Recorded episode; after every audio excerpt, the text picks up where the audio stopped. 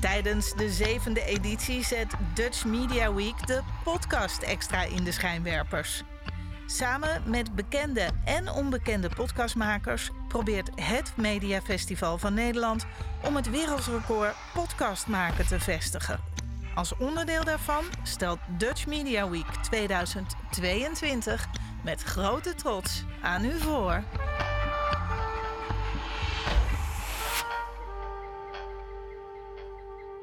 Fantastische filmlocaties. Hey, hallo, goedemorgen.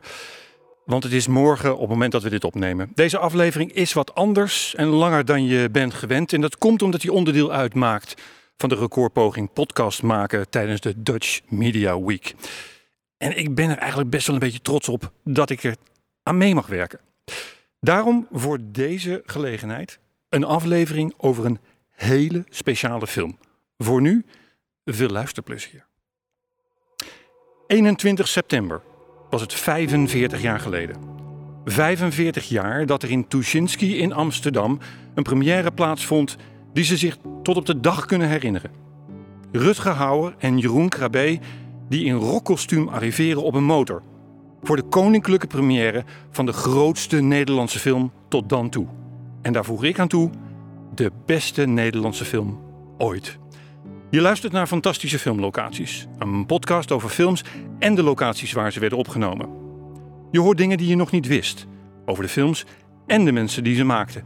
En daarom ga ik je vertellen waarom ik het zo ontzettend leuk vind om filmlocaties te bezoeken. Dat doe ik door mijn verhalen en ervaringen met jou te delen. Mijn naam is Jeroen Huistens en in deze aflevering neem ik je onder meer mee naar Den Haag, Delft, Leiden en Wassenaar en ga ik je van alles vertellen over Soldaat van Oranje.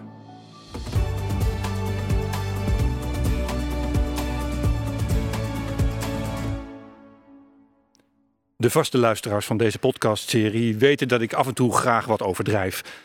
Maar als ik zeg dat Soldaat van Oranje 45 jaar na de première nog steeds staat als een huis, is daar geen woord van gelogen. Het is altijd fijn om de film weer te zien en om te merken hoe grandioos alles op zijn plaats valt. De acteurs, de cameravoering, de aankleding, de muziek en natuurlijk de filmlocaties. En speciaal voor deze aflevering ben ik veel van die locaties gaan opzoeken. Op verschillende plekken was ik al een keer geweest, maar op andere kwam ik voor de eerste keer. En het was echt fantastisch om te merken hoe Soldaat van Oranje na al die jaren de deuren echt letterlijk nog voor mij deed opengaan. Zoals die van de studentenwoning aan Rapenburg in Leiden en die van de voormalige hoofdkantoor van het Rode Kruis in Den Haag. Onder maar te zwijgen over de hartelijkheid waarmee ik werd ontvangen op de tennisclub Marlow in Wassenaar. En aan de keukentafel van Jindra Marcus. Hij was niet alleen regieassistent van Paul Verhoeven, maar ook de man achter de filmlocaties. Maar daar zo meteen meer over. Nu eerst naar de man met wie het eigenlijk allemaal begon. Want ik denk dat ik geen groot geheim onthul als ik je vertel dat Soldaat van Oranje voortkomt uit de oorlogsavonturen van Erik Hazelhoff Roelsema.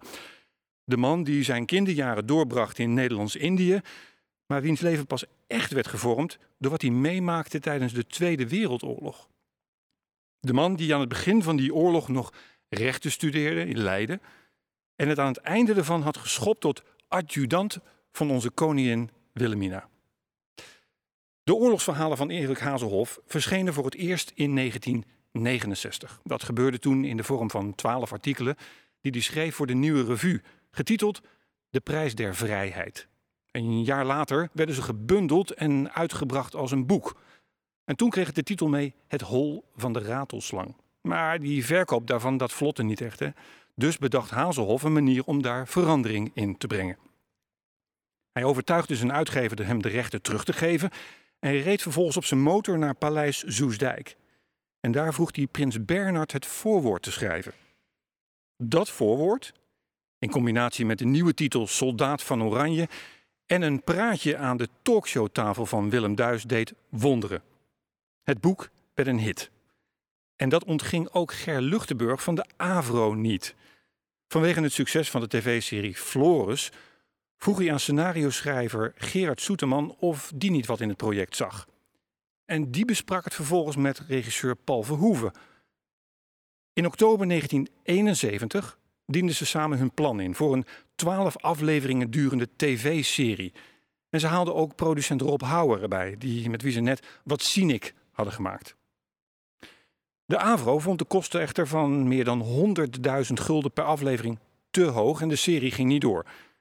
In plaats daarvan maakte de omroep uiteindelijk in 1973 een tweedelige documentaire over de soldaat van Oranje. Maar producent Rob Houwer zag nog steeds kansen.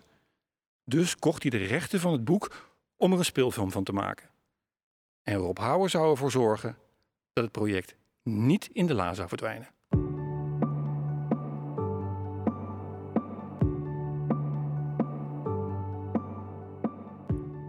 Voordat ik de filmlocaties zo met je afga, moet ik je eerst even voorstellen aan Jindra Marcus. De man die ik eigenlijk net al een beetje introduceerde. Omdat we hem straks nog een paar keer gaan tegenkomen, even kort het verhaal hoe hij bij de film betrokken raakte. Nederlands Filmfestival was toch in Arnhem. Toen kende ik Paul Verhoeven niet, maar die kende wel Frans Wijs natuurlijk. En die vroeg aan Frans Wijs, ik heb een assistent nodig, weet je iemand? En ik had net een film met Frans Wijs gemaakt.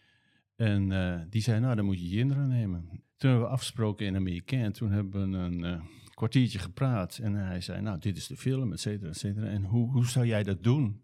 Toen zei ik, nou ik zou het zo en zo en zo doen. Zegt hij, nou dan ben je van nu af aan mijn assistent. Zo is het gegaan eigenlijk. Een paar locaties zien er niet meer uit zoals in de film. Jammer genoeg, zeg ik dan. Want ik had ze echt dolgraag herkenbaar teruggezien. De eerste is de gevangenis, waarin Rutger Hauer en Huib Roymans elkaar kort zien voordat die laatste door de Duitsers wordt gefusilleerd. De buitenkant van die gevangenis is het Oranje Hotel in Scheveningen.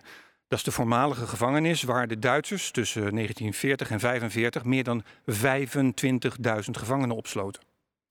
Tegenwoordig is het een nationaal monument waar ze de indrukwekkende geschiedenis nog steeds navertellen. Maar goed, die gevangenis is in de film maar kort aan de buitenkant te zien. De binnenscène, en dat wist je misschien niet, werd gefilmd in het huis van bewaring in de Doelstraat in Dordrecht. Maar die gevangenis is later tegen de, tegen de vlakte gegaan. Een andere filmlocatie die er jammer genoeg niet meer is, is de Willem III-kazerne aan de Heiligenbergerweg in Amersfoort. De kazerne stond leeg en daardoor konden ze er meerdere dingen opnemen. Luister maar wat Jindra daarover te vertellen had. De kazerne in Amersfoort was ook een oude kazerne. Daar moesten dus vliegtuigen over, die bommen lieten vallen. Dus uh, er was een heel mooi langgerekt terrein aan de voorkant, zodat je eigenlijk die vliegtuigen heel mooi kon volgen. Je kon daar, er was ook een soort plantsoen en zo, dus je kon overal bommen begraven. Maar die locatie die kon ook dienen als uh, ondervragingskamer. Uh, het, hele, het hele Engelse gedeelte kon daar bovenin uh, gebouwd worden. De executieplaats van Guus, die zit achter het gebouw, dat gefilmd. En de schietbaan kon er ook in. En de poort voor het aankomen van met de motoren. Dus het was een geweldige locatie. En de gemeente van Amersfoort, ja, die waren heel bereidwillig. Die kazerne in Amersfoort werd in 1978 afgebroken. Maar achteraf is dat natuurlijk gewoon ontzettend jammer. Er zijn er wel een paar panden bewaard gebleven, maar niet zo heel veel meer. En dus vroeg het heel veel inlevingsvermogen en een foto van de kaart die ik van Jindra kreeg om in Amersfoort de plek te vinden waar dit werd gefilmd. Stop! Stop! Wat moeten jullie? Als vrijwilliger. Ach, je bent gek! Donder op dan! Nou, laat ons er door. Het zijn moffen! Verklede moffen! We zijn gewoon Hollanders. Allemaal! Schu laten zeggen! Moffen kunnen geen schu zeggen. Zeg eens Scheveningen. Scheveningen, Scheveningen. Nee, oh, Scheveningen. Scheveningen. Geen schoolmoeder, Scheveningen. Schu, schu, nul. Ja, Scheveningen dus. Maar daar werd niet gefilmd. Voor de film werd gebruik gemaakt van Huis ter Duin in Noordwijk. Dat moest ook wel, want het Koerhuis en de boulevard in Scheveningen waren in de jaren 70 te vervallen om te kunnen gebruiken. En het Huis ter Duin, of liever gezegd het historische Huis ter Duin, dat deel kon die rol prima overnemen.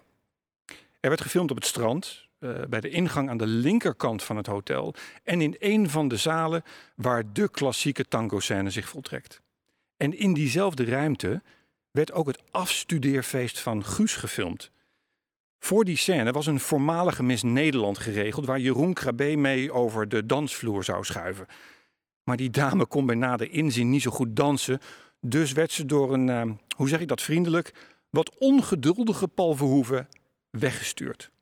En die dame met wie je Krabbe in de film ziet dansen, dat is gewoon zijn eigen moeder.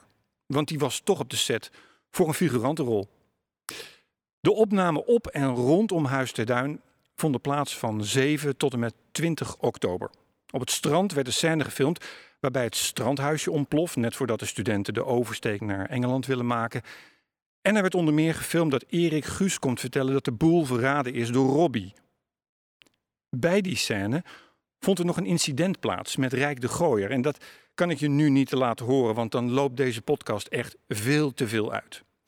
Maar omdat Jendra zo ontzettend lekker op de praatstoel zat, heb ik besloten om dat hele gesprek van drie kwartier ook online te zetten.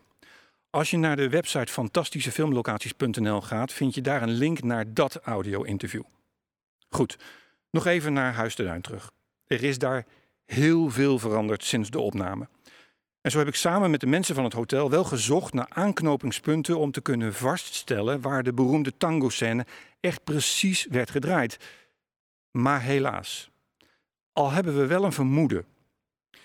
Die onduidelijkheid komt omdat in brand in 1990 een fors deel van een van de beroemdste filmlocaties uit de Nederlandse geschiedenis helaas verwoestte. Nog erger, er kwamen bij het bestrijden van het vuur tragisch genoeg drie brandweermannen om het leven. En dat deed echt wat met de lokale gemeenschap. Daarom worden ze elk jaar nog steeds geëerd en hebben ze in het hotel een eigen herinneringsplek.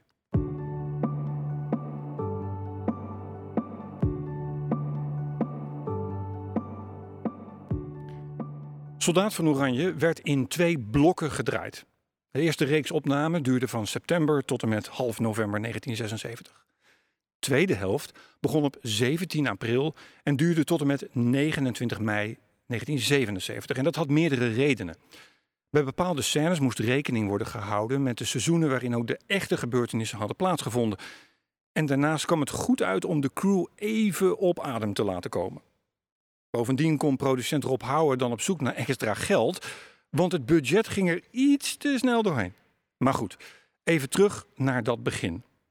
De eerste opname vonden plaats bij tennisclub Park Marlow in Wassenaar. Daar werd op 25 september 1976 begonnen met de opname. Twee scènes spelen zich er af. Als de vrienden op de tennisclub staan en horen dat de oorlog is uitgebroken.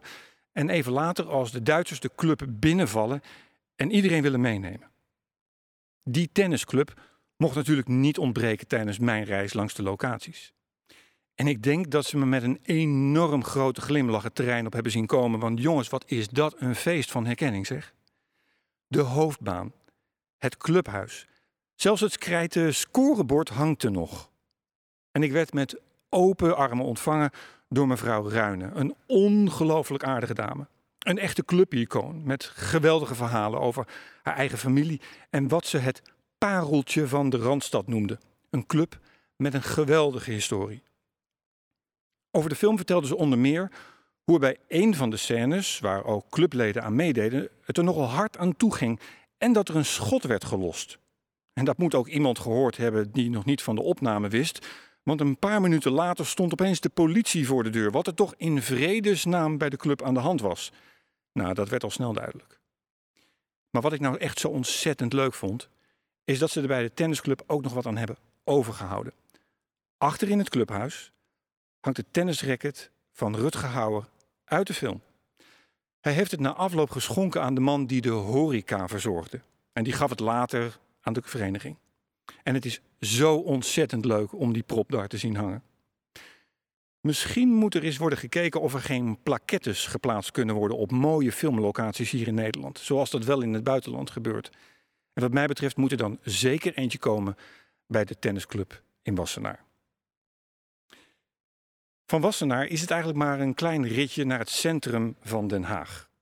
En het mooie van de filmlocaties daar is dat ze op loopafstand van elkaar liggen, waardoor je een soort soldaat van oranje wandeling krijgt. Laten we eens even beginnen bij Paleis Noordeinde. Daar vindt de scène plaats waarin koningin Wilhelmina Erik Lanshoff iets toefluistert.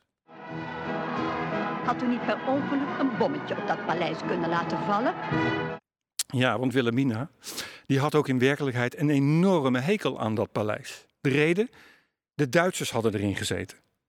In 1948 brak er een brand uit in een deel van het paleis en Wilhelmina zou toen gezegd hebben: U denkt toch niet dat ik de brand heb aangestoken?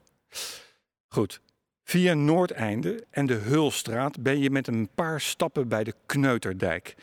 Op 24 oktober 1976 werd daar de scène gefilmd waar Erik een optocht ziet van de Duitse soldaten. En tussen hen bevindt zich zijn vriend Alex. Volgens regisseur Paul Verhoeven is dat de belangrijkste scène uit de film. Omdat Erik en Alex elkaar blijven respecteren als vrienden, ondanks hun uh, grote politieke verschillen. Het was ook geen eenvoudige scène om op te nemen. En dat lukte haast niet om mannen te vinden die goed konden marcheren en die bereid waren dat te doen in een SS-uniform. En er waren mensen die zich kapot schrokken toen ze de nazi-vlaggen aan de gevels in Den Haag zagen en de soldaten zagen lopen. Onder hen bevonden zich ook de ouders van acteur Dirk de Lind, die de set kwamen bezoeken. Ze gingen er eerder dan verwacht vandoor, want de Lindse vader die trok het gewoon niet. Hij had namelijk in mei 1940 zelf gevochten als dienstplichtig soldaat. Van de Kneuterdijk is het ook maar een stukje lopen naar het Binnenhof, waar ook werd gefilmd. Maar daar wordt momenteel flink verbouwd, dus je kunt niet over het geweldige uh, Binnenplein lopen. Loop er dus omheen en zorg dat je via het plein uitkomt bij het torentje van onze premier. In de film begint Robbie daar niets vermoedend aan een wandeling. Totdat hij in de verte Guus op de fiets ziet aankomen. Want die heeft nog een appeltje te schillen met de verrader. Guus probeert er vandoor te gaan via de korte Vijverberg. En hij botst op een kinderwagen waardoor de Duitsers hem alsnog te pakken krijgen. En het kost hem zijn leven. Ik weet nog dat ik die scène zag als klein jochie. En ik was er echt enorm door aangedaan. Want waarom liep die vrouw daar nou op de weg met die kinderwagen? Anders had Guus het vast gered. Er was een versie van het script waarin Guus wel wegkomt. Maar ook daarin liep het niet goed met hem af. Hij wist daarin wel Engeland te bereiken, maar hij pleegde daar zelfmoord toen hij de relatie tussen Erik en Susan ontdekte. En Paul Verhoeven heeft later gezegd dat hij ontzettend blij is dat hij niet voor dat melodramatische einde heeft gekozen. Van de Korte Vijverberg is het daarna nog 15 minuten lopen naar plein 1813. Daar en vooral op de Alexanderstraat ter hoogte van de Poolse ambassade werd een scène gefilmd waarin Erik en Guus op de motor moeten uitwijken voor de Duitse vliegtuigen. Die vliegtuigen die moesten een bepaalde bocht maken omdat ze niet over het binnenhof mochten vliegen. En dat moest in één keer goed gaan. Maar dat gebeurde dus niet. Want op het moment suprem stopte de motor van Jeroen Krabede mee. En die zegt daar nog steeds over dat Paul Verhoeven, die op het dak stond van het Haagse Stadspaleis, zo enorm begon te vloeken dat ze het tot in Scheveningen moeten hebben gehoord. Zo ontzettend grappig. Al zal dat het op dat moment waarschijnlijk niet zijn geweest. Goed, dan is er nog één locatie in Den Haag, maar daar kom ik zo even op terug.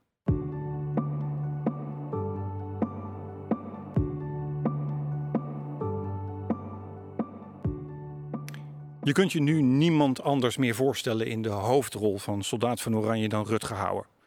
Maar als het dan Paul Verhoeven had gelegen, dan was Dirk de Lind de Soldaat van Oranje geworden. Maar ja, Verhoeven kreeg tijdens de castingsessie niet wat hij zocht, dus moest hij op zoek naar een ander. En wat dat betreft was dat nog steeds niet Rutger Hauer als het om Paul Verhoeven ging. Die moest zelfs zijn best doen om überhaupt auditie te mogen doen. En toen dat uiteindelijk mocht, was dat voor de rol van de NSB'er Alex. Castingdirector Hans Kemna en producent Rob Houwer waren het uiteindelijk die Paul Verhoeven overhaalden om Rutger Hauer de hoofdrol te geven. En ook Jeroen Krabbe hadden we bijna niet gezien in de rol van Guus Lejeune. Hij had namelijk een andere uh, rol gespeeld in een andere film van Rob Hauer. En die had volgens Krabbe gezegd dat hij nooit meer met hem wilde samenwerken. Dus toen hij gevraagd werd voor een casting, dacht hij, nou, dat heeft toch geen zin. Maar Ineke van Wezel, de assistant product, uh, production manager, zei tegen hem, kom nou maar gewoon, ik ga erop niet vertellen. Volgens Krabbe dankt hij de rol aan het feit dat hij een snor droeg en niet werd herkend. We denken tegenwoordig dus direct aan Rutger Hauer en Jeroen Krabbe als we het over Soldaat van Oranje hebben. Maar wat zou de film zijn zonder al die andere acteurs en al dat andere talent achter de camera? Nou, dan was volgens mij Soldaat van Oranje nooit de film geworden die nu deel uitmaakt van onze Nederlandse cultuur. Maar goed, terug naar de filmlocaties. En dan gaan we nu naar het noorden van Nederland, naar Friesland. In het boek vertelt Erik Hazelhoff hoe er een vlucht naar Engeland werd geraamd bij het Tjeukenmeer. Maar voor die scène in de film liet Jindra zijn oog ergens anders opvallen. Ik zocht een locatie waar je 360 graden in de ronde kon draaien, waar je met een watervliegtuig kon landen, waar je met een boot uit de voorschijn kon komen om, om die aanslag te plegen op het roeibootje. Nou, dat vond ik bij de Flussen. En het is prachtig. Ik vind het nog eigenlijk de allermooiste locatie, als, qua landschap in ieder geval. Omdat daar een groene Renault in een weide aankomt rijden in een landschap, helemaal van bovenaf gefilmd uit een hoogwerker. Vind ik prachtig. En daarna, uh, één, dat vliegtuig is prachtig. En Joost Vacano, de cameraman, die was zelf vlieger. En als toegift heeft hij nog een rondje vanuit het vliegtuig, vliegtuig uh, gefilmd van de locatie. Omdat je dus, het was 360 graden vrij draaien. En in een Tweede Wereldoorlogfilm is dat natuurlijk fantastisch om zo'n soort bewijs te leveren van echtheid. Weet je. Ja, dat vind ik nog steeds een uh, prachtige plek. Die scène die werd gefilmd bij een boerderij met een oude houten schutsluis. Het is tegenwoordig particulier bezit, dus ga vooral als je het wil bezoeken de mensen die er wonen niet lastigvallen. En dat geldt ook voor de mensen die wonen in de Ipelaan in Wassenaar, waar het huis staat waar Erik aan het einde van de oorlog de kaalgeknipte Esther aantreft. Alsjeblieft gewoon de privacy van mensen respecteren. En dan de scènes in Engeland. Die werden daar slechts ten dele opgenomen. Voorbeeld. Als Hauer en Krabbe de Engelse haven verlaten op de torpedojager op weg naar het bezette Nederland, dan zitten we eigenlijk naar de marinehaven in Den Helder te kijken. En daar was dus een reden voor. Ik kon in Engeland kon ik niet zien dat we daar een haven konden vinden. Omdat die motor torpedoboot die vertrekt uit Engeland. denk je nou, Engelse haven, wat is een typisch Engels? Maar ik kon geen haven vinden die daaraan voldeed, zeg maar. Toen ben ik naar Den Helder gegaan. Daar hebben we in de Mijnenvegerhaven hebben we die omgetoverd tot een Engelse haven. En uh, het zag er geweldig uit. Nee, dus, dat is heel leuk. Dat is dan een soort uh, overwinning. Voor de echte fans, als je dat schip uit de film nog een keer in het echt wil zien, dan kan dat. Dan moet je wel naar de haven van Lowestoft, vlakbij Norwich in Engeland. Maar omdat de motortorpedoboot, de MTB-102, momenteel grondig onder handen wordt genomen, kun je dat niet op uh, korte termijn doen. Maar ik zet in de show notes wel even de link naar de website voor meer informatie. Waar in Engeland wel werd gefilmd, is aan de buitenkant van het statige Audley End House, vlakbij Cambridge. En in de Londense wijk Holborn bij het New Square. Daar probeert uh, Erik een aanslag te plegen op Van der Zande, de secretaris van koningin Wilhelmina. En wie denkt dat de ontmoeting met de koningin die daarop volgt in Engeland werd gedraaid, die voelt waarschijnlijk al aankomen dat dat niet zo is. De scène werd gefilmd in de tuin van het voormalige hoofdkantoor van het Rode Kruis aan de Prinsessengracht in Den Haag. Het Rode Kruis dat zat erin van 1916 tot begin jaren 90. En prins Hendrik, de echtgenoot van Wilhelmina, was daar enige tijd voorzitter van. Hij vond het maar al te fijn een plekje te hebben in Den Haag waar hij zich kon terugtrekken als hij even niet in het paleis wilde zijn. Het gebouw is tegenwoordig eigendom van een bedrijf dat het kort geleden heeft laten renoveren. Alleen de tuin moest nog worden opgeknapt. En de reden waarom ik dat weet, is omdat de huidige huurder zo ontzettend aardig was de deur van het pand en die naar de tuin voor deze podcast te openen. Het was echt zo geweldig om maar 46 jaar na de opname te mogen kijken. De muurschilderingen, het plafond, de klapdeuren. Het is precies zoals in de film. Aan het einde van de tuin ligt het koetshuis. En daar hangt toch wel een grappige anekdote aan de scène die zich daar afspeelt. Tijdens een etentje met Paul Verhoeven en Soeteman vertelde Hazelhoff na een paar glazen wijn dat er nog wat dingen waren die niet in zijn boek terecht waren gekomen. Eén daarvan was het verhaal dat hij voor koningin Wilhelmina moest verbergen dat een van zijn vrienden lag te vrijen. Die scène belandde dus wel in de film. En het werd opgenomen in het kamertje boven in het koetshuis. Daar waar toen een slaapkamer was, is nu een woonkamer. En hoe ik dat weet? Nou, nee, niet omdat ik er binnen mocht kijken. Maar omdat het op Funda staat. Mooi gerenoveerd, heerlijke plek. Hartje Den Haag. Helaas wel wat aan de prijzige kant. Maar zo ontzettend leuk. Ik zet de link weer voor je in de show notes van deze podcast. Soldaat van Oranje is het zoveelste bewijs dat een goede film niet zonder goede muziek kan. En die was in dit geval afkomstig van Rogier van Otterlo, de man die ook de fenomenale score van Turks Fruit heeft gemaakt. Toen, Verhoeven vroeg welke, toen hij Verhoeven vroeg welke muziek die vooral associeerde met de bezetting van Nederland, verwees hij naar Radio Oranje. Dat zond tijdens de oorlog uit vanuit Londen. De opening van de uitzendingen daarvan begon met een variant op de vijfde van Beethoven. En daar borduurde Van Otterlo op voort. En zo ontstond een thema dat eigenlijk wel ons tweede volkslied genoemd kan worden.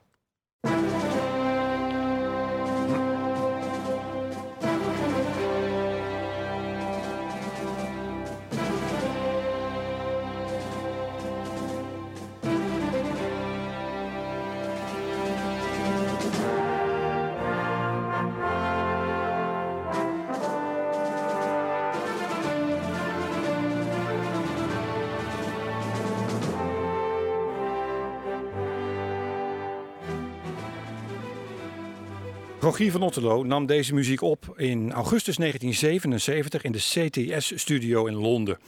Het orkest bestond uit sessiemuzikanten en leden van de London Philharmonic. En die moesten wel even wennen toen Van Otterlo met zijn spijkerbroek en zijn leren jasje op de bok ging staan. Door gedoe met de rechten is de soundtrack, behalve wat losse nummers, nooit op CD verschenen. Je vindt hem ook niet op Spotify of Apple Music. Als je mazzel hebt, kun je via Marktplaats nog aan een vinylversie komen. Dat is mij gelukkig gelukt, waardoor ik, wanneer ik dat wil, kan luisteren naar het prachtige thema van Esther, de Waalsdorpenvlakte en het nummer Ik gooi heel Duitsland plat.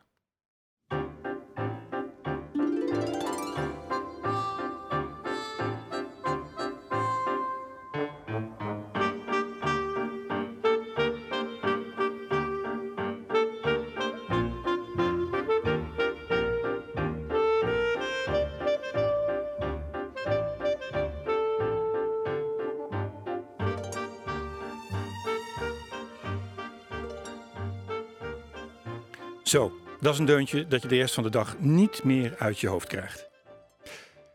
Er zit een deel in de film dat wel aan het einde van de opname moest worden opgenomen. En dat komt omdat er wat acteurs voor moesten worden kaalgeschoren. Je raadt het al, de ontgroeningsscène. Die zou in de Sociëteit van Minerva in Leiden zijn gefilmd als dat had gekund. Maar helaas, die was in december 1959 door een brand verwoest. En een sociëteit die erop leek, stond en staat in Delft. Een pand dat er al sinds 1878 staat. En het ligt altijd wel een beetje gevoelig in Leiden, maar bij de Delftse studentensociëteit Phoenix vinden ze het maar al te leuk dat de film daar is opgenomen. En ik werd er dan ook met plezier rondgeleid door het enorme pand dat echt veel groter is dan je verwacht. Je kunt van alles van studentenverenigingen vinden, maar gevoel voor historie en traditie hebben ze zeker. Daarom is het ook niet zo vreemd dat het hart van de sociëteit er nog steeds uitziet zoals in mei 1977. Als je maar een beetje bekend bent met de film, herken je de ruimte direct. Tot en met de gouden drempels op de vloer waar de feuten niet onopgemerkt overheen mogen komen.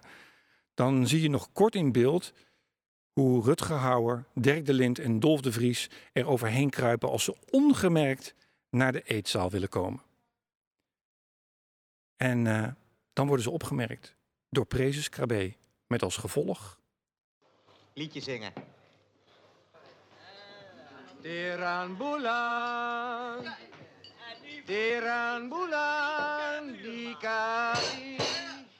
Hoe zei Humphrey Bogart het ook alweer in de beroemde film Casablanca? I think this is the beginning of a beautiful friendship. Nou ja, vreemde start van een vriendschap, maar het werden wel echte vrienden. Er werd in mei 1977 drie dagen lang gefilmd in de Sociëteit in Delft. En volgens de verhalen speelden er 40 leden van de vereniging zelf mee als figurant. Maar ja, die moesten dus wel weer hun kop kaal laten scheren. Als je het nu over Soldaat van Oranje hebt, kun je niet om de musical heen die deze maand 12 jaar geleden in première ging. De musical is gebaseerd op het boek en niet op de film. Maar het leidde wel tot, hoe zeg ik dat vriendelijk, enige frictie tussen de producent van de film en die van de musical. Gevolg, de beroemde themamuziek van Van Otterlo mocht niet worden gebruikt in de musical. Maar de producent daarvan, Fred Boot en Bas van Otterlo, de zoon van de componist, hebben me inmiddels bevestigd dat er een oplossing is gekomen en dat de muziek weer te horen is. Laten we wel wezen, de film en de musical zijn een fenomeen. En ze delen behalve de avonturen van de soldaat en dat beroemde thema nog iets: een locatie. Waar producent Fred Boot en zijn gigantische gezelschap al twaalf jaar lang een unieke productie uitvoeren, daar vond aan de vooravond van de filmopname de sensationele persconferentie plaats van filmproducent Rob Hauer. Jawel, op de vliegbasis Valkenburg bij Katwijk. Daar bij de startbaan werden de cast en crew voorgesteld aan de filmpers. En dat gebeurde in aanwezigheid van enkele echte verzetshelden, zoals Frits van der Schriek, Peter Tazelaar en natuurlijk Erik Hazelhoff-Rolsema. En er werd bekendgemaakt dat prins, uh, prins Bernhard de beschermheer van de film was. En dat was wel een beetje pijnlijk toen, want het viel net samen met de beruchte Lockheed-affaire. Hoe dat voor de film uitpakte, moet je zeker even lezen in het boek Op zoek naar de soldaat van Oranje van Bart Jutman. Het is een te gek boek dat ik je absoluut aanraad, omdat er ook zoveel meer verhalen in staan dan dat ik je nu kan vertellen. Maar goed, een jaar na die persaankondiging ging de film in première en dat gebeurde in Tuschinski in Amsterdam. In aanwezigheid van zo ongeveer de halve familie van Oranje. En het was echt een sensatie. Vooral toen Houwer en Krabbe op de motor kwamen aanrijden. En gelukkig deed de motor van Krabbe het toen wel. De pers was in 1977 niet heel erg vriendelijk voor de film. Het parool had het over de flapdrolhelden Erik en Guus en NRC schreef: Nederlands duurste speelfilm doet niets voor de filmcultuur in Nederland. Ondanks de anderhalf miljoen bioscoopbezoekers kwam de film niet in de buurt van de meer dan 3 miljoen van Turks Fruit, die andere film waar de makers altijd mee verbonden blijven. Maar laat even gezegd zijn dat elke filmproducent tegenwoordig echt zijn handen zou dichtknijpen voor dat aantal bezoekers. In Amerika viel de film wel op, waardoor Hauer en Verhoeven er uiteindelijk een hele mooie carrière konden opbouwen. In Nederland werd de miljoenste bezoeker van Soldaat van Oranje getrakteerd op een reis naar Londen. Rutger Hauer en Lex van Delden leidden de winnaar van die prijs rond langs de locaties. De 2 miljoenste bezoeker werd een reis van Hawaii in het vooruitzicht gesteld, waar die Erik Hazelhoff Roelsema zou ontmoeten, die daar toen woonde. Maar die prijs werd dus nooit uitgereikt, omdat het aantal bezoekers niet werd bereikt. Hoe is dat nou toch mogelijk? Dat vraag ik me dan af. Maar ja, goed, sommige dingen kun je niet ongedaan maken. Jammer genoeg.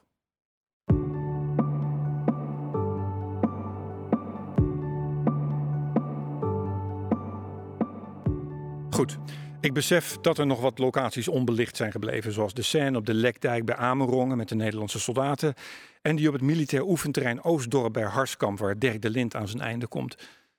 Maar we komen toch wel een beetje aan het einde van deze reis. Maar natuurlijk niet zonder een bezoek aan Leiden. De stad waar Hazelhoff en zijn vrienden ook in het echt studeerden. En waar de stad uit een soort historische loyaliteit wel gefilmd moest worden. En gelukkig ook kon. Vanwege het grote aantal studenten dat juist in deze periode afstudeert, kon ik jammer genoeg niet naar binnen bij het zweetkamertje van de Universiteit van Leiden toen ik er was. Het is de plek waar alle studenten hun naam op de muur achterlaten na de uitreiking van hun bul. En in de film zetten ook Guus en Erik hun krabbel. Dat zweetkamertje is echt legendarisch. Eerst was het de vergaderzaal van curatoren, maar vanaf de 18e eeuw werd het de kamer waar studenten moesten wachten voor hun examen. En daarom kreeg het ook zijn naam. Het is niet bekend wie als eerste zijn naam op de muur schreef, maar inmiddels staan ook die van prinses Beatrix en koning Willem-Alexander erop. Net als die van Nelson Mandela en Winston Churchill. En natuurlijk die van Erik Hazelhoff. Ik kon het kamertje niet in, Maar ik ben wel even bij de universiteit naar binnen gestapt en via de wenteltrap naar boven geweest om er toch een blik op te werpen. Want die hele route, die zie je namelijk ook in de film. Het zweetkamertje is wel online te bekijken. En ik zet de link weer even voor je in de show notes. Als Erik afstudeert, gaat hij daarna met Esther en Jacques naar het café op de hoek. Dat is Café L'Esperanza. Dat was helaas gesloten voor een eh, verbouwing. En daardoor kon ik even niet een glas heffen en ook niet naar het toilet. Maar dat ga ik denk ik nog wel een keer goed maken. Nee, je moet weg. Je bent een gevaar voor ons. Oh. Hier is je monsterboekje. Je heet Jean de Kuiper. Hier. Nou, knijp af zeg. We hebben deze play niet gehuurd. En dan rest er nog één locatie. Nee, er is er nog één. Een kleintje, maar eentje om niet over te slaan. Als je bij de Nonnenbrug de kloksteeg insteekt en helemaal naar het einde loopt, is er het gangetje dat naar het Spekhofje leidt. Het is zo klein dat je het haast over het hoofd ziet. Maar het is de plek waar Erik Lanshoff over de muur klimt en op die manier ontsnapt aan Gestapo-agent Breitner. Er zijn grappig genoeg mensen die denken dat die tuin bij de studentenwoning hoort. Maar dat is dus anders. Een locatie voor de echte fans, laat ik maar zeggen. Oké, zoals ik al zei, er is nog één locatie. En mag ik die de Heilige Graal noemen? Het is de studentenwoning aan Rapenburg 56. Het is de plek waar Erik Hazelhoff ook echt woonde tijdens zijn studententijd en waar dus wel gefilmd moest worden. Eronder zit geen sigarenwinkel meer zoals je in de film ziet, maar Barrera, het café dat er blijkbaar al sinds 1968 zit. Het deel erboven is nog altijd een studentenhuis en er wonen nog altijd jongens van de studentenvereniging Minerva. En voor mij deden ze met plezier de deur open. Het was echt geweldig om na al die jaren nu eens eindelijk in de kamer te staan waar geschiedenis werd geschreven. Aan de muur hangt natuurlijk een foto van Erik Hazelhoff. En aan een andere muur ingelijst een van de weinige exemplaren van het Leids Manifest dat Hazelhoff tijdens de Duitse bezetting uit verzet schreef. Het hing aan de muur die er voor de filmopname werd uitgesloopt om voldoende ruimte te creëren, vertelden de jongens me. En hij werd later weer teruggezet, maar echt vakwerk was dat niet. Er was natuurlijk maar één manier waarop mijn rondreis langs de filmlocaties van Soldaten aan Oranje kon beëindigen. En dat was door een foto te nemen van de studenten in die legendarische kamer aan Rapenburg 56. Jongens, we gaan een foto maken. Beetje dichter bij elkaar. Eh, Lex. Ja. En stilzitten. Denk aan het vogeltje. Hij komt, jongens. Hij komt. Zoals de non zei tegen de bisschop. Glas. Glas. Vier, drie, twee, één. Morgen. Ja, morgen. En dat was het voor deze keer. Je luistert naar fantastische filmlocaties. Mijn naam is Jeroen Huisdens en op fantastischefilmlocaties.nl vind je een pagina waar alle belangrijke informatie uit deze podcast terug te vinden is. Speciale dank gaat uit naar Jindra Marcus voor het fantastische gesprek. En natuurlijk naar iedereen die zo ontzettend aardig was om mij te helpen met toegang tot de locaties. En naar de mensen hier bij Beeld en Geluid voor het prachtige podium dat de Dutch Media Week deze podcast heeft geboden. Vergeet vooral het boek van Bart Jutman op zoek naar Soldaat van Oranje niet te lezen. En oh ja, de rechten van de film Soldaat van Oranje liggen bij producent Rob Houwer. Wil je voortaan geen aflevering missen van deze podcast, abonneer je dan. En ik hoor echt ontzettend graag wat je van deze serie vindt. Laat dus vooral eens een recensie achter bij Soundcloud of Apple Podcast of geef sterren bij Spotify. Voor nu, tot de volgende keer. Je luistert naar de recordpoging podcast maken van Dutch Media Week 2022. Binnen enkele ogenblikken staat de volgende podcast voor je klaar.